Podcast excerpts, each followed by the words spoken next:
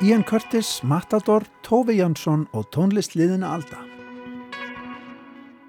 Í fyrradag þá voru nákvæmlega 40 ár liðin síðan breski tónlistamæður Ian Curtis andaðist sviplega. Curtis var fórsöngvari í hljómsveitinni Joy Division sem sendið hans frá sér tvær uh, hljóðversplötur á sínum ferli en hefði eigað síður gríðarleg áhrif. Setni platasveitarinnar Closer kom út sléttum tveimur mánuðum eftir andlát Curtis og er af mörgum talin ein merkasta platan sem gerð var á mörgum punks og nýbylgu á sínum tíma. Það er allt þarna daburleikin og fegurðin upphafið og endalókin. Við ætlum að tala um Ian Curtis og Joy Division í Víðsjá í dag gestur okkar verður Hilmar Örn Hilmarsson, tónlistarmadur og allserjar goði. Hann var réttur maður á réttum stað þegar Ian Curtis var og hétt og fekk þetta allt saman beint í æð. Við tölum um hjartað og sálina, það sem brennur og mun brenna, allt að gefnu tilöfni, meira um það í þættinum í dag. Herman Stefansson, rítöfundur, hefur verið að blada í rítinu tónlistliðina Alda eftir árna heimi Ingólfsson undanfarið og hann finnur þar frekari upplýsingar um þjóðlægið Vera mátt góður sem að Herman fjallað um í þættinum hjá okkur fyrir fáinum vikum en Egil Ólafsson og Solrún Edda Benedikts Hermansdóttir flytja tveggja ratta útgáfilagsins í nýri upptökum. Já, hann má vera góður, hann Herman verður gaman að heyra þetta. En Þórtis Gísladóttir réttumundur, hún ætlar að fjalla í dag um bókina Ord, Bild, Líf sem fjallar um æfi og verk múminálfa höfundarins vinsæla Tófi Jansson frá Helsingi í Finnlandi. En við byrjum á því að kasta tenningum og spilum Matador. En ekki hvað. Fyrir við byrjum rætt, 1, 2, 3. Reynimölur. Yes! Ætlar að kaupa hann? Nei. Ætlar einhver að kaupa reynimöl og 600 kall eða meir? Já, tekur reynimöl. 600 kall. 600 kall. Reynimölur er... Eiginleik maður allar þar lóðir er sama lit bera fær hann tvöfaldar leigu fyrir þær og má hvenna sem er byggja hús. En í rauninni er það góð taktík. Hér má heyra fjöguramanna fjölskyldu í vesturbænum, við skulum segja ekki með ofþroskað viðskiptavit, þó að sé vissulega þroskaðara hjá einhverjum fjölskyldum meðlimum en öðrum, setja sig inn í Matador spil að síkvöldi í mæ árið 2020 eftir áratuga fjárveru foreldrana frá spilinu. Það var góði hyrðirinn blessaður sem að gaf vel að þessu sinni. Þar fannst heillagt eldraukt eintak af þessu eðla spili í góðu ástandi með réttum fjölda fagur grætna húsa sem ætlað er að standa við velvaldar götur Reykjavíkur. Aug rauðra glæsihótela sem að gefa auðvita góð fyrirheitum hagnaðar von. Allar götur, öll fyrirtæki, peningar og pappirar á sínum stað, gott eintak allt til reyðu. Já. Þetta er óflókið. Býtu, Ég er bara komin lengra, skilur. halló, sko, ef að ég er á þetta og einhver lendur á þessu, tvöfaldast þá leigan. Já, ef þú ert öll þrjú. Og við alls þrjú, bara tvöfald. En svo hérna, Ramos og Hitta, ef þú ert þetta, þá tvöfaldast það. Þrátt fyrir upprifjunar erfileika koma lokum í ljós, það sem maður svo sem mundi, að Matador er ekki íkja flókið spil. Eins og hamstrar á hjóli fara þáttakendur í lífsgæða leiknum ring eftir ring með græðki sklampa í augum. Markmiðið einfalt að græða meira en náungin og helst ríjan en að skinni áðurna yfir líkur. Flugfélagið, ég er svona að kaupa það og ég fær svo yfir byrjunarreitin, þannig ég setja bara beint, nei, setja bara beint og kaupi flugfélagið í staðin. Áttu þá flugfélagi og loftleðið? Já, Er það ekki, jú, maður þarf eiga líka Hvað saman heitir það? Já, hagsmuna, en að, nei, þetta er svona fákeppni. Nei, jú, svona tengdir aðilar. einokun á markaði. Jú, einhverjum markaði. Ef eitthvað er einokun, þú veist, það er náttúrulega bara pík kapitalismi. Það er sló. Loftlegur og flugfélag Íslands, ég, ég á það, ég þarf eiginlega að taka mynd af því. Matador eða Monopoly, eins og borðspilið vinsala heitir á ensku, á sér langa sögum. Þá uppruna sinn í bandaríkjunum, hvar annar staðar. En skapara forvera þess, konuðanafni Lissi Maggi, var satt best að segja megin illa við fákeppni sem spilið snýstjú emmitt um að ná í dag. Landi hennar, hagfræðingurinn Henry George hafði þá sett fram kenningu um skattlagningu sem síðar varð að því sem kallað var Georgismi. Hagfræðileg trú á að fólk ætti að eiga virði framlegslu sinnar en virði sem hlítist af landi, náttúru öðlindir þar með taldar, ætti að vera samin allra þegna. Einfaldri skattlagningu á land og landkosti var að mati Henry George ætlað að endurmóta samfélag og hagkerfi. Nei, ég held ekki. Býður einhver á 2000 kall að kaupa það? Já. Býður einhver betur? Er það eitthvað gott að kaupa það? Garðastræti. Uh, Það má skoða já, ég er til í á, ef að vill einhver kaupa garðastræti, þá get ég fjármagna Þú ert svo, svo, svo þeim. Nei, Má ég ekki bara neitt í að þessum leik? Að. Er hann á samt lækja gutti? Og þessar hugmyndir Henry George vildi Lizzie McGee styðja með spilinu sem hún hannaði og bjóð til í upphafi 20. aldar. Því var ætlað að vinna gegn einókun og fákjefni. Sína fram á neikvæðar hliðar þess þegar land sapnast á forra hendur og úrverða stórveldi. Spilið hétt í upphafi The Landlord's Game eða húsráðandaspilið og McGee sótti um engaleifi fyrir spilinu árið 1904. Fram að heimskreppunni miklu komu síðan fram nokkrar útgáfur af spilinu Vestanhafs. Er þetta ekki gaman? Ekki meir en það samt. Er það með einu húsi? Já, er þetta ekki gaman? Jú, jú, mér finnst það skemmtilegt. ég get skipt þúsund kalli. til að gera þær. Þegar maður spilar Matador í dag, skilgetið afkvæmi af hugmyndum Lizzie McGee, er langt í frá ljóst að upphaflegum tilgangi hennar með hönnun spilsins hafi verið náð. Og kannski hefur það aldrei verið svo að forvarnar áhrifin sem spilinu var ætlað að hafa í fyrstu hafi gengið upp. Hugmyndafræðin sem spilinu var beint gegn virðist hafa tekið það algjörlega yfir. Margar fjölskyldur kannast eflaust við styrlaða kappsemina sem að getur komið upp í Matador. Svo er í því þessi innbyggða lukka eða ólukka, sumir dúsa umferðunum saman í fangelsinu aftur og aftur, fara þangað ring eftir ring og fá engan 2000 kall þegar þeir fari við byrjunarreitin. Það er eins og alltaf sé einum þáttakanda ætlað að vera 2000 limur hvers spils á meðan einhver annar verðist standa undir heilla stjörnu.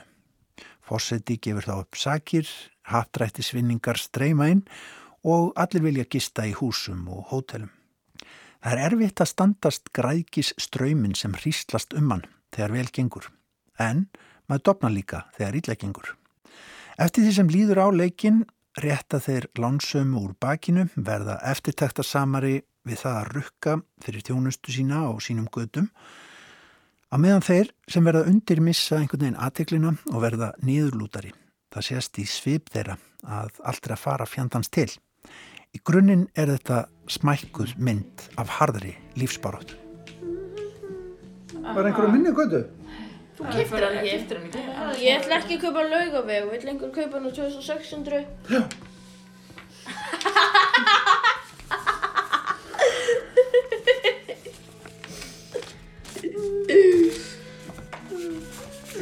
Þú veist ekki hvað þú átt mikla peninga þú ert með það. Þetta er bara bókaldið.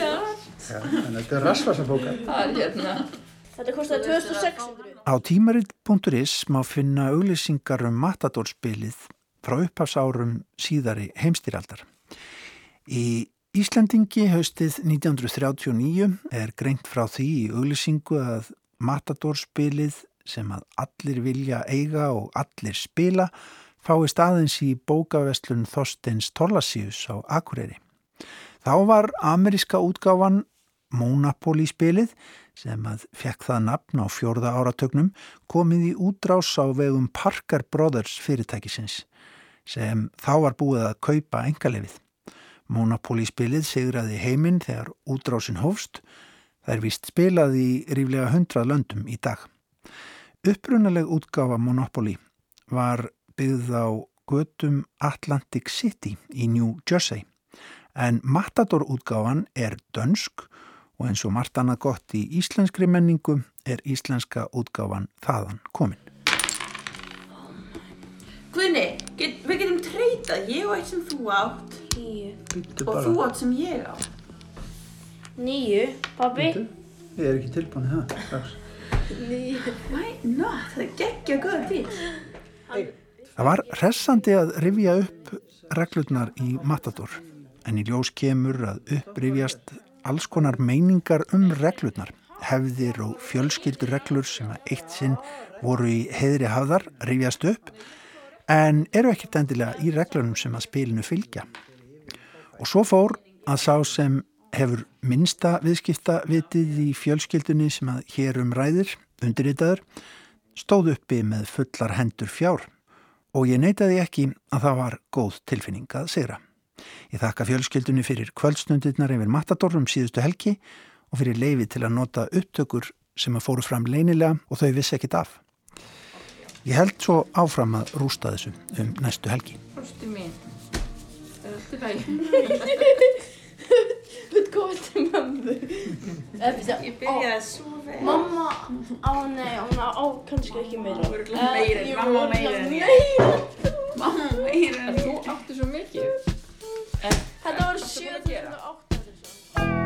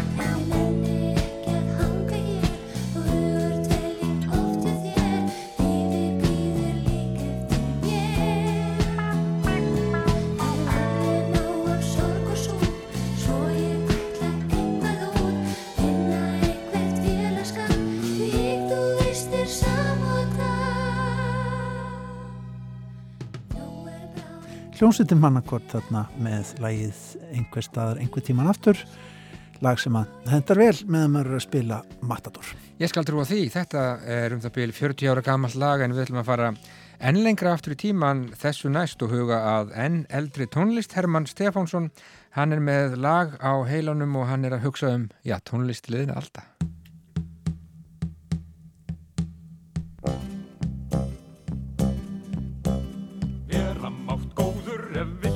Stunda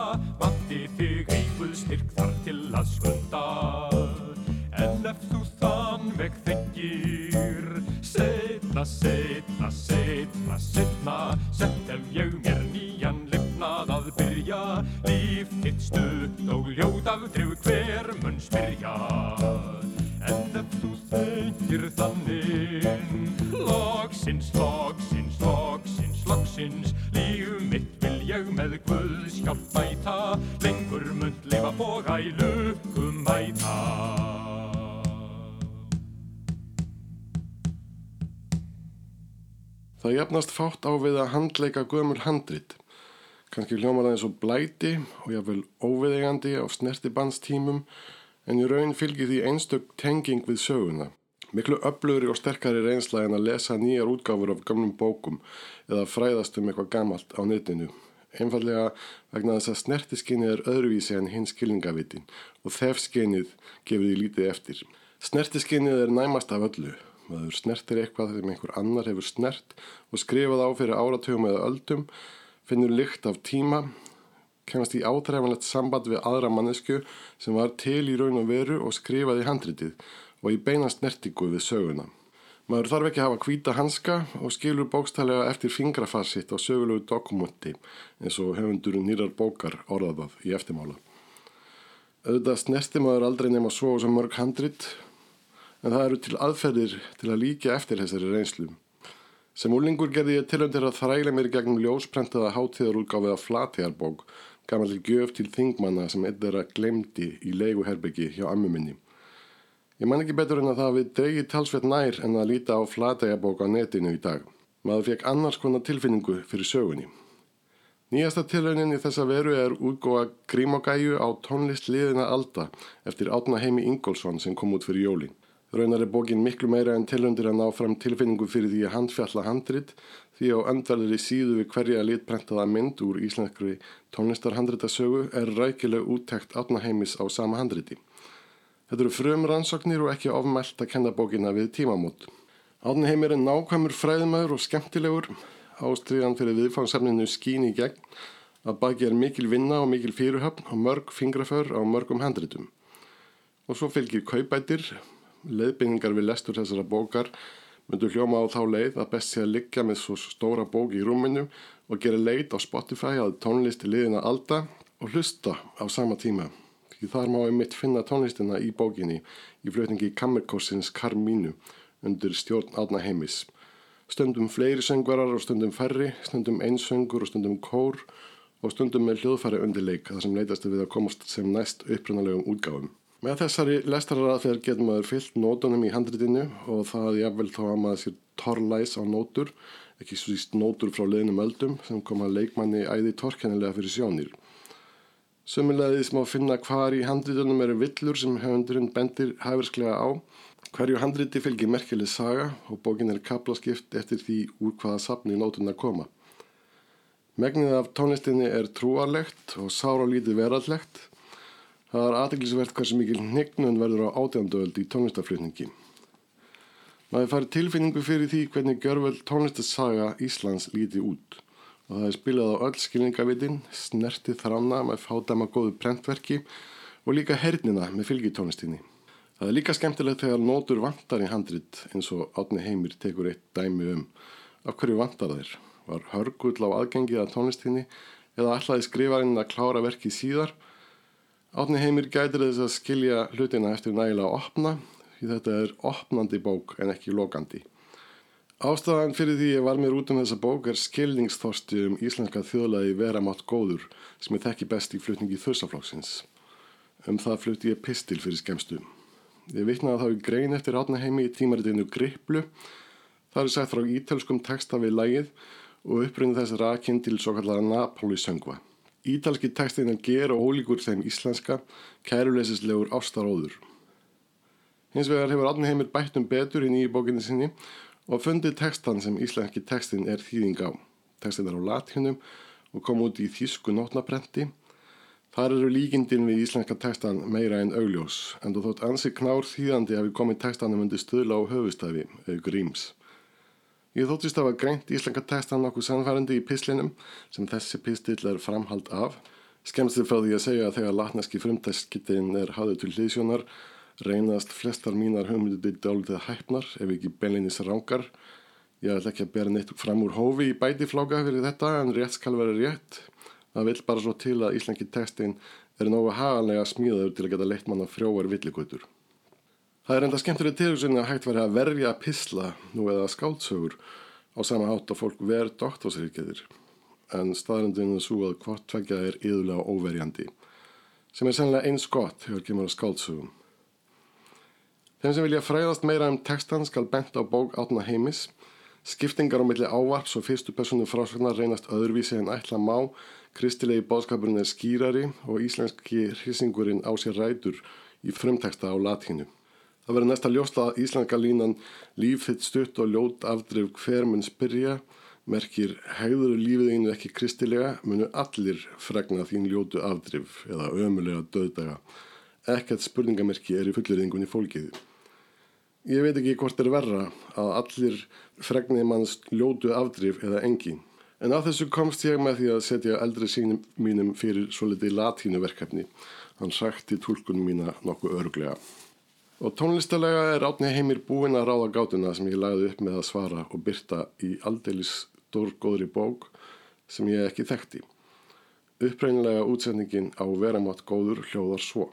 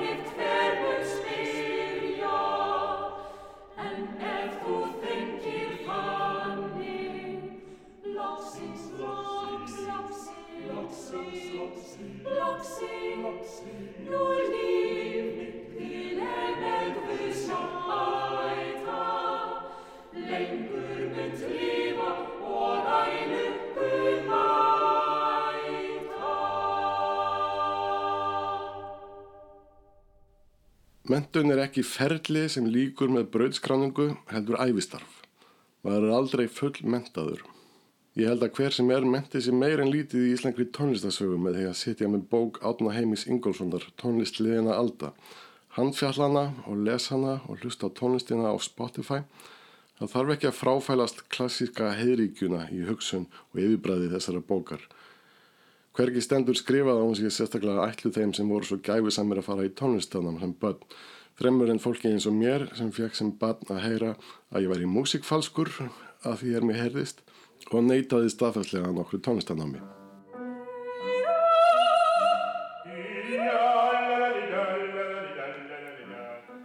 Þegar ég hafði loksins fengið gátuna um vera mátt góður lista og heyrt upprannilegu útsetninguna, langaði mig til að heyra tínda hlekkin í þessari sögu, hvernig lægið hefði hljómað ef efstalínan hefði borist til landsins með bassalínunni en samt orðið á því þær breytingar sem Íslensk þjóðlega hefði gerði. Höfundur bókarinnar var svo almennlegur að lana með nótur. Þessi þosti sloknaði ekki og því var ekkit annað að gera en að breytum takthefund byggði Egil Ólásson um að syngja bassan aftur og byggja dóttur mína og perusönguna Solunu Heddu Benedikts Hermannsdóttur að syngja efrilínuna og útsetja. Svona hefði þetta geta verið. Eða kannski hefði það aldrei geta verið svona en hefði bara átt að vera það. Vera mátt góður ef vilt þar til stunda, vanti þig eigu styrk þar til að skunda. En ef þú þann veg þengir, segna, segna, segna, segna, sett ef ég er nýjan lifnað að byrja, líf þitt stutt og ljót afgrif hver mun spyrja. En ef þú þengir þannig, Loksins, loksins, loksins, loksins, líf mitt vil ég með Guðs hjálp bæta, lengur mynd lifa og ælu mæta. Þarna voru það Egil Ólafsson og Sólrún Edda Bendix Hermannsdóttir sem að sungu vera mátt góður þjóðlægið góða sem að Herman Stefánsson hefur eiginlega verið með á heilunum undanfarna daga, er kannski búin að losa sig við með þessari upptöku sem hann gerði með þeim Agli og Sólrúnu. Ég sjáum hvað setjum með það, hann er búin að vera að raula þetta í margar vikur, Herman held ég. En við snúum okkur næst hér í viðsjá á miðugudegi að höfundi sem að, já, margir hafa miklar mætur á Þórdís Gíslatóttir. Sennilega eru fáir höfundar meira elskaður og dáðir nú um stundir en Túve Jansson, höfundur bókana um múminálfana. Ríthöfundurinn og myndlistakonan sem lést fyrir tæpum 20 árum eignast sífelt fleiri aðdáendur, ekkert látverðist á því. Óreglulega bætast finskir múminbollar í eldúskápa og uppþóttavélar um allan heim. Frábærir barnabókahöfundar njóta því miður ekki sömu verðingar og svo kallaðir fullorðinsbókahöfundar. Túfi Jansson fekk aldrei Nobelin í bókmöntum, þau umtöluðu verlaun sem 14 konur og 100 karlar hafa hingað til hlotið. Ég leifi mig samt að fullir það að margir verlauna hafa bókmenta Nobelsins eru margfalt verri höfundar en Túfi. Þannig er nú réttlættið í heiminum. Það sem á líka til gamans, eða ekki til gamans geta, að jafn margir franskir rithöfundar hafa hlotið Nobelsvelun í bókmyndum og konur almennt. Það er að segja 14 franskir karlar. En þetta var nú út út úr. Bækur Tófi Jansson um Múminálfana komu fyrst út á íslensku fyrir um 50 árum. Nokkrar voru þó lengi óútgefnar en sem betur fer hefur undan farið verið bætt í safnið. Forlægið er um þessar myndir að gefa út í þýðingum þær múminálfa bækur sem hefur vantað á íslensku og nýlega kom einnig sumarbókin í þýðingu Ísaks Harðarssonar. Hún er einn þeirra bóka Túve sem ætlaðar eru fullornum, en hún skrifaði um tugverka sem voru ekki ætluð börnum. Það eru líka afar heillandi bókmentir. Ég hef lesið múminalvabækur frá því að var bráðung og setningar úr bókunum hafa líkt og grafið sig inn í heilan á mér. Þaðan veiði ég reglulega einu eina málskrein mér til halds og trösts. Sumar virka eins og gleðipillur þegar melankólian hellist yfir, aðrar koma til hjálpar og réttlætingar því ég klúður einhverju. Og væri ég með húðflúr á annað borð, þá væri það sennilega hefamútla á raskinninni, múminmamma á herðablaðinu, fyli fjónka á lærinu eða jafnvel ískaldur morri á maganum. Fyrir all nokkrum árum kom út bók um Túfi Jansson eftir Búel Vestín, fræðikonu sem hefur skrifað doktorsritgerðum höfundin og verk hennar. Bókin heitir Túfi Jansson úr bild líf eða orð mynd líf og svo bók er 600 síðan að döðrandur. Búel Vestín varð góð vinkona Túfi Jansson þegar hún skrifaði um hana doktorsritgerðina og fekk aðganga öllu hennar persónlega brefa og bókasafni. Verkfræði konunar er sankallega fjársjóður fyrir forvitna og æfisegna þyrsta aðdáendur höfundar múminálabókana. Hinn Finnland-sænska Túfi Jansson fættist á listamannaheimili í Helsingfors árið 1914 og ljast í sömu borg fyrir 19 árum árið 2001, þá 87 ára gömul. Hún mentaði sig við listaháskóla í Stokkólmi og París og leitt fyrst og fremst á sig sem myndlistakonu umfram allt þó á ferilhuta ferilsins. Hún hóf listamannsferilin sem skopmyndateknari, varð síðan málari, en síðan tóku bókmyndirna meira yfir. Fyrsta múminálfabókin, Littlu álvarnir og flóði mikla, kom út árið 1945 og þess má til gaman sketa að það sama ár kom út fyrsta bókin um hina heimsfrægu krakkabrössu Línu Langsokk eftir Astrid Lindgren. Síðan fylgdu fleiri múminálfabækur í kjölfarið áratuginu og eftir og einnig önnu skáldverk og myndasögur. Ferill Tófi Jansson var alls ekki einn samfelt sigur ganga. Fyrstu múminálfabækurnar seldist ekki vel. Fólk var almennt sendt að kveikja á snildinni sem þessa bókmyndi geima. En eftir því sem árin liðu bættust hrifnir lesundur í hópin og að lokum var listakonan hálfpartin kæfið í aðdáin. Síðasta útgefna verkanar, Nóvelan Medelandi eða Skilaboð, er eins konar neyðar óp frá höfundi sem er að drukna í fræð aðdáin og ekki síst sendibrefum. Hrifnir lesendur Tófi Jansson sendinni árlega að jafnaði um 2000 aðdáenda og þakkarbref síðustu árin sem hún lifði. Aumingja konan sem laði mikinn metnað í að svara brefum lesenda sinna var orðin hálf buguð af þessu öllu saman. Tófi var málari og rítumöndur en hún byggði líka hús, sildi í skerjagarðinum, bjóða vindasamri eigi á sumrin, ferðaðist mjög mikið um heiminn og átti í ástarsamböndum. Þetta tók auðvitað sinn tíma og orgu og hún var aldrei með rítara sem sá um pappisvinnuna fyrir hana. Hún reyndi að finna jafnvægi í sköpun og skildum en það varð undir það síðasta bísna erfitt. Ég óttast stundum að bækurnar um múminálfuna drukni í drastlinu ef ég má orða það þannig.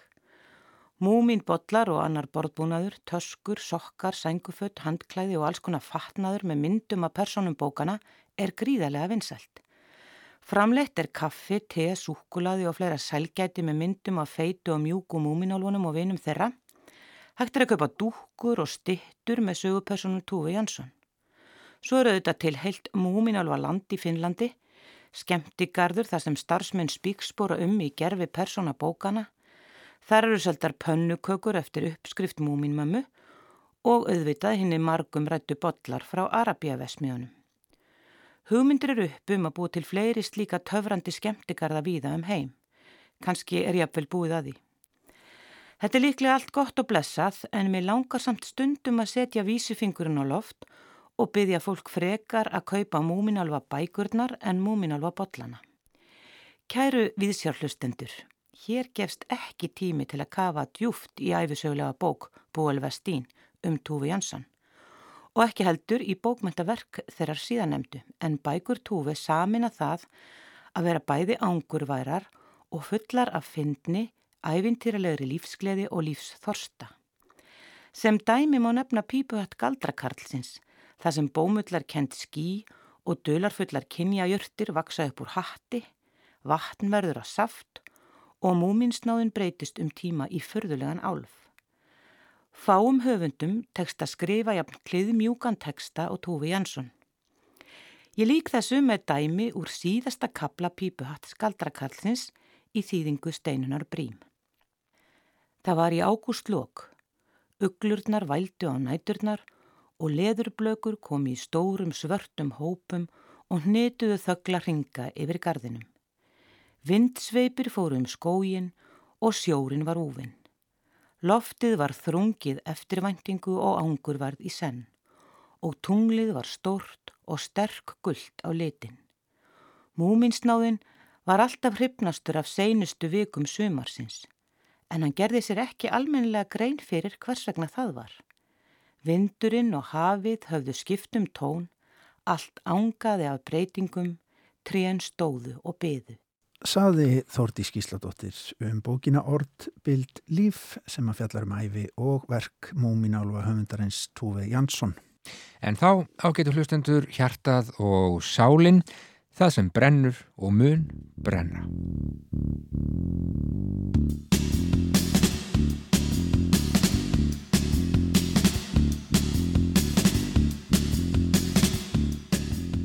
Þetta er allt þarna dapurleikin og fegurðin upphafið og endalókin, sásökin, einlægnin, hjartað og sálinn.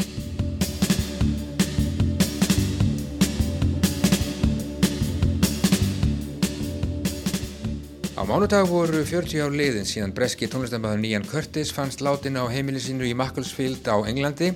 Hann hafði hengt sig, hann var 23 ára gammal fættur þann 15. júli í Stratford, Lancashire.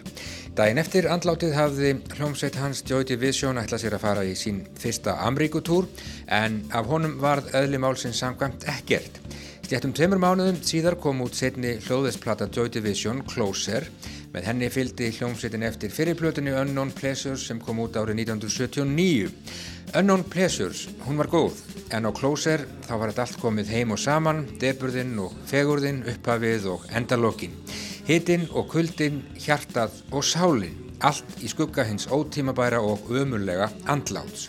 Nú, 40 árum síðar er eins og tíminn hafi numið staðar, Fyrst þann 18. mæ árið 1980 þegar Ian Curtis svifti sig lífi, síðan þann 18. júli þegar hljómplatan Closer kom út, albúmið eins og bóðskort í jarðarför skartarmynd af Gravreit Appiani fjölskyldunar í minningarkirkjugarðinum í Staglieno í Genua á Ítalíu, einum stærsta kirkjugarði í heimi og frægur fyrir sína tegnarlegu minnisvarða. Og já, dauðin, hann er yfir og allt um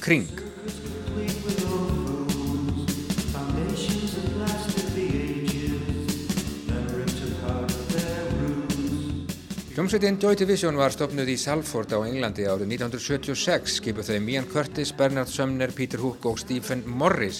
Í fyrstu var hljómsveitin undir miklum punk áhrifum en þróaði síðan sinn eigin stíl, sinn eigin hljóðheim sem gerði hljómsveitina að áhrifa miklum frumkvöðli í post-punkinu svo kallaða. Joy Division brúaði bylið á milli punks og nýbylgu og varð einhver áhrifamesta rock hljómsveit tímabilsins.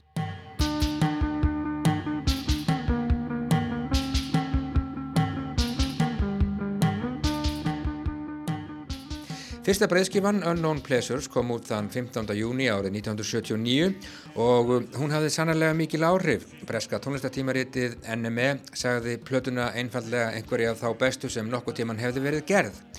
Hljómsveitin kallaði sig í upphafi Warsaw eftir lægi nr. 1 á hliði nr. 2 á plötunni Low með David Bowie frá árinu 1977 en helt sitt fyrsta gig undir heitinu Joy Division þann 25. janúar árið 1978 á Pips Disco klubnum í Manchester. Tónlistalega var hljómsittin undir áhrifum frá Já Bávi, Kraftwerk, Roxy Music, Lou Reed, svo eitthvað sé nefnt, tekstar undir áhrifum frá Friedrich Nietzsche, Fjodor Dostojevski, Franz Kafka, Hermann Hesse, J.G. Ballard og T.S. Eliot. Ian Curtis, hann samti tekstana, þeir Sömnur og Hook sömdu laugin. Við höfum engan bóðskap, sagði Curtis einhver tíman, textarnir eru galopnir fyrir tólkun því þið getið lesið í þá nákvæmlega það sem þið viljið.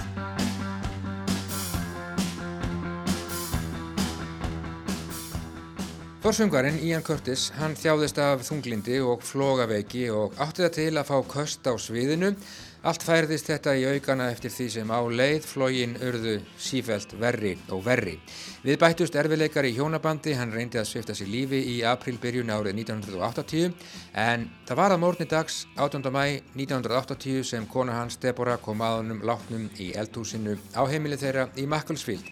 Curtis hafði hengt sig eftir að hafa varið nóttinni í það að horfa á kvikmyndina Strótsek eftir þíska kvikmyndalegsturinn Werner Herzog.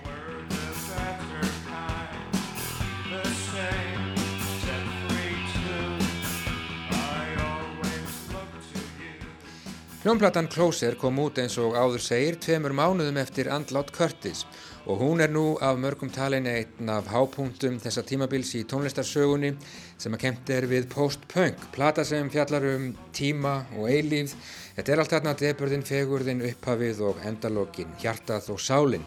Hún hefst á því að okkur er bóðið á síningu á grimdarverkum, taktu í hönd mína og ég mun sína þér hvað var og hvað mun verða. Þetta leiðin gættu í bæinn, syngur Ian Curtis og ávarpar aktofa söfnuð sinn með sinni spámanlegu rödd. Endalókin virðast sumpart yfirvofandi, verða að finna örlög mín áður en það verður of seint, syngur Curtis í læginu 24 Hours og í læginu Isolation, einangrun, syngur hann um blindu sem nálgast fullkomnun en meðir eins og allt annað. Mamma, ég reyndi, trúðu mér, ég geri mitt besta, ég skammast mín fyrir það sem ég hef farið í gegnum, ég skammast mín fyrir það sem ég er. Og í læginu Passover syngur Curtis, þetta er krísan sem ég vissi að hlítið að koma og setja mig algjörlega úr jafnvægi. Svo er það hjartað og sálinn, þið magnaða heart and soul, það sem mun brenna, tilveran, hvaða máli skiptir hún, ég lifi eins vel og ég get, fortíðin er nú hluti af framtíðminni, nútíðin utan seilingar.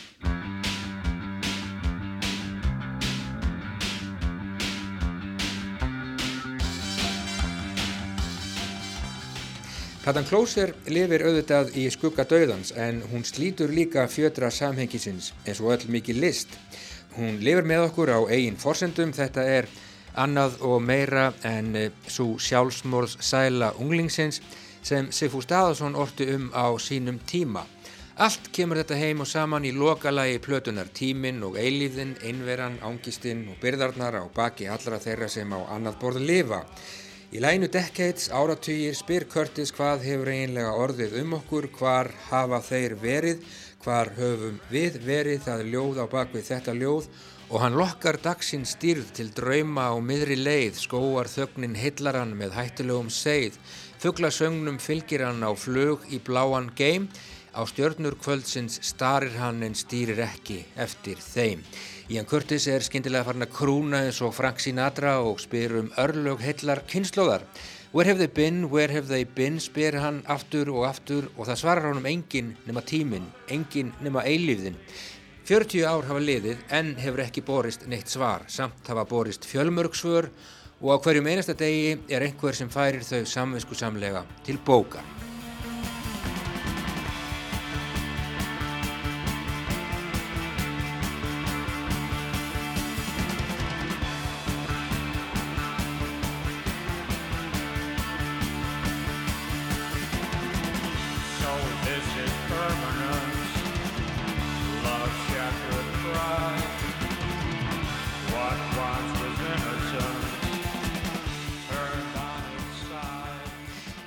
40 ár liðin ágætu hlustendur frá andláti Íans Curtis, 40 ár liðin frá útkomu hljómblutunar Closer, 40 ár síðan Curtis bauð okkur að ganga í bæinn, hjarta og sál, það sem mun brenna og menn skrifa eðlimálsins samkvæmt, einhverjir tala um sorglegustu en jafnframt fallegustu rockplötu sem nokkuð tíman hefur verið gerð og já, þarna er sannarlega nýstandi sársauki en líka óumræðanleg fegurð, rós sem hefur sprungið út aftur og aftur í heil 40 ár.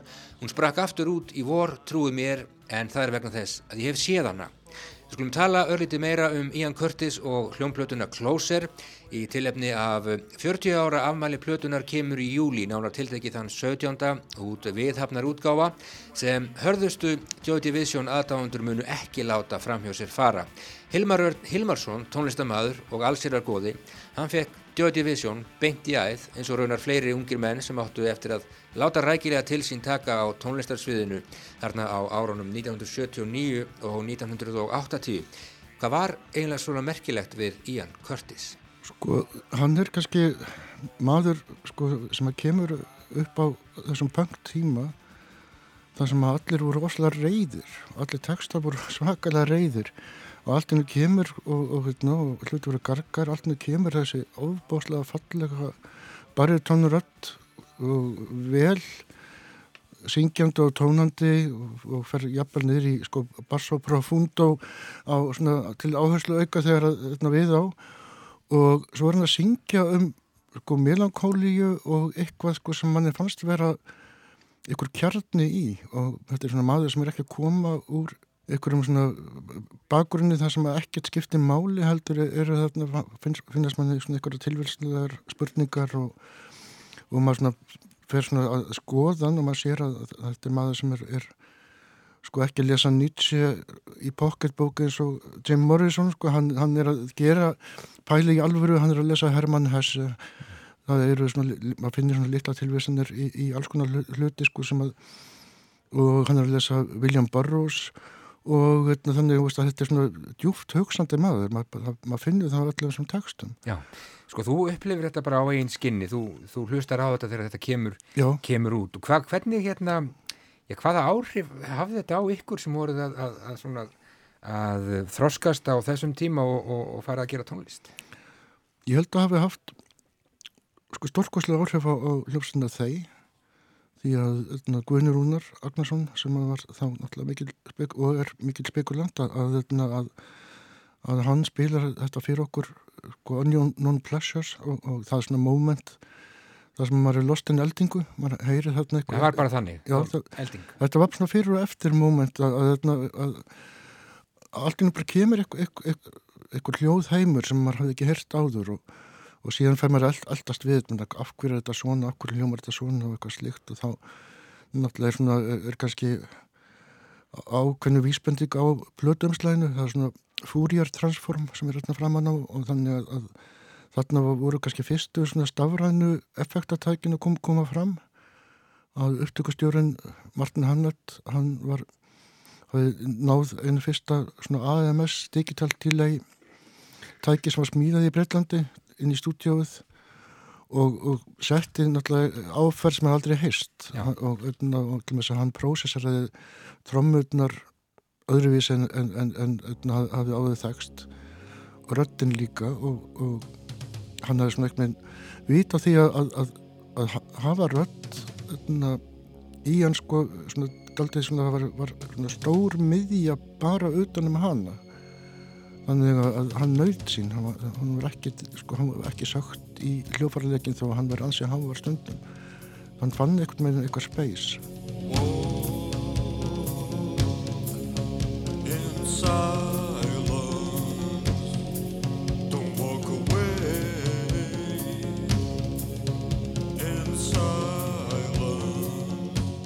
um, Þú sagði mér áðan að, að þarna hafið þið bara hreinlega Já, heirt þann hljóðheima sem að þið hefðu verið að leita að og jáfnvel, jáfnvel verið að reyna að móta svona einra með ykkur sjálfur. Já, ég held það. Mm -hmm.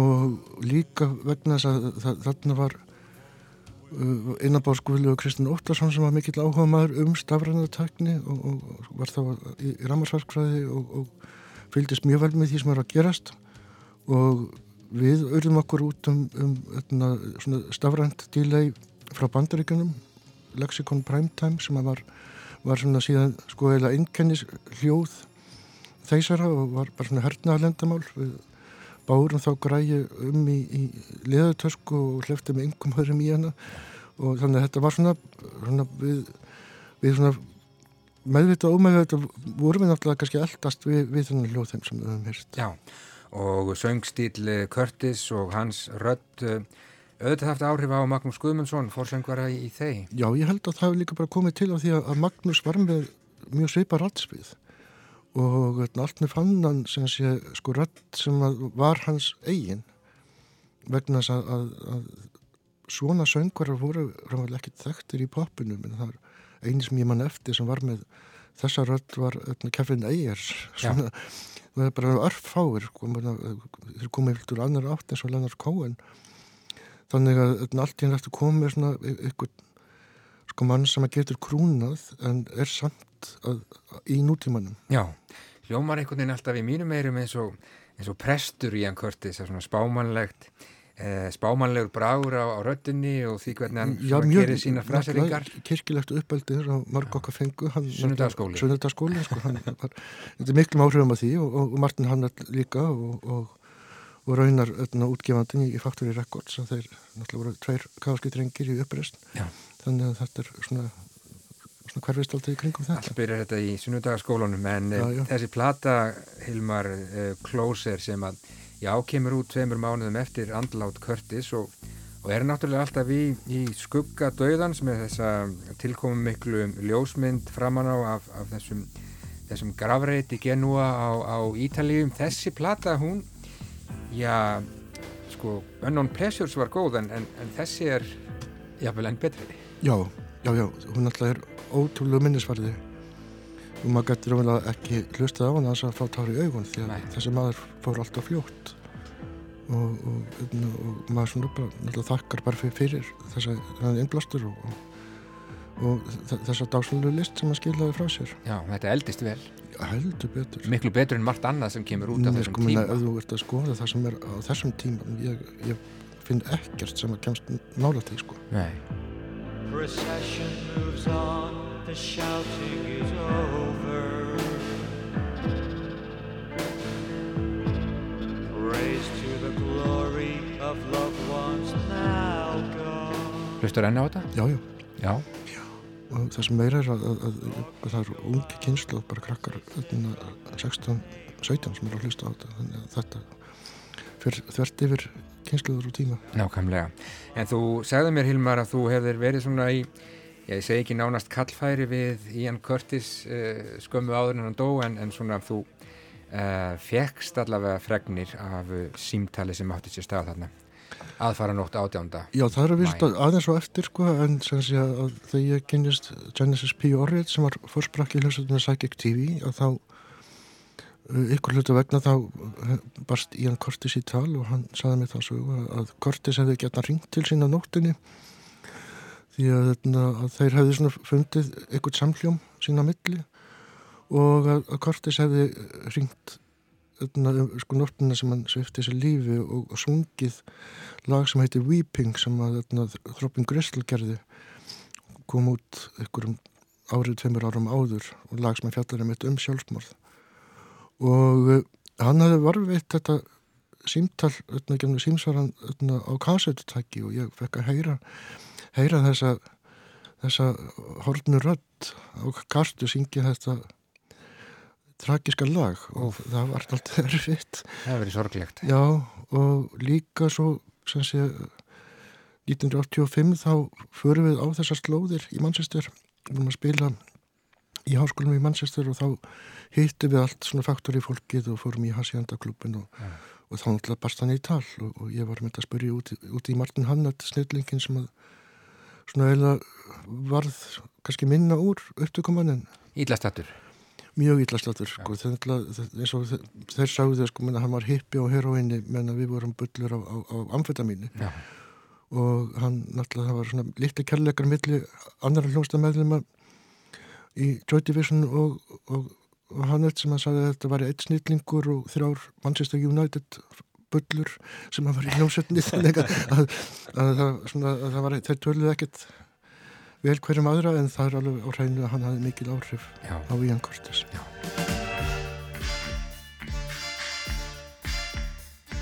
Og þetta lifir, er það ekki? Og mun li- lifa. já, já, mun lifa, eins og segir eitthvað Og hefur bara held ég ennþá áhrif á, á fólk bara úr, bara í hennum ymsu greinum tónlistar. Já, Rappi, jafnvel. Já, nefnir það er bara svo erfitt að, að, að sko, þú feikar ekki einlagni það, það er eitthvað sem þú kemast aldrei upp með og þetta er svo kemur svo gerðsamlega úr sko hildipi sálarinnar og, og, og, og minna svo margt sem að eftir á, þegar maður er bara að skoða til dæmis bara textana eftir þá er, er svo mikið spásögn og, og, og í þessu öllu saman bara um, um hans lífslöp og, hjarta og sál. hjarta og sál Og algjörlega. Nákvæmlega. 40 ár liðin síðan að eh, Ian Curtis uh, andaðist uh, þann 18. mæ árið 1980 og já, 40 ár liðin síðan þessi frábæra plata Closer kom út. Takk fyrir að koma í viðsjá Hilmar Örn eh, Hilmarsson og uh, tala um Curtis og Closer og já, þetta hlusta bara á Closer í kvöld. Algjörlega. Takk fyrir komuna. Takk.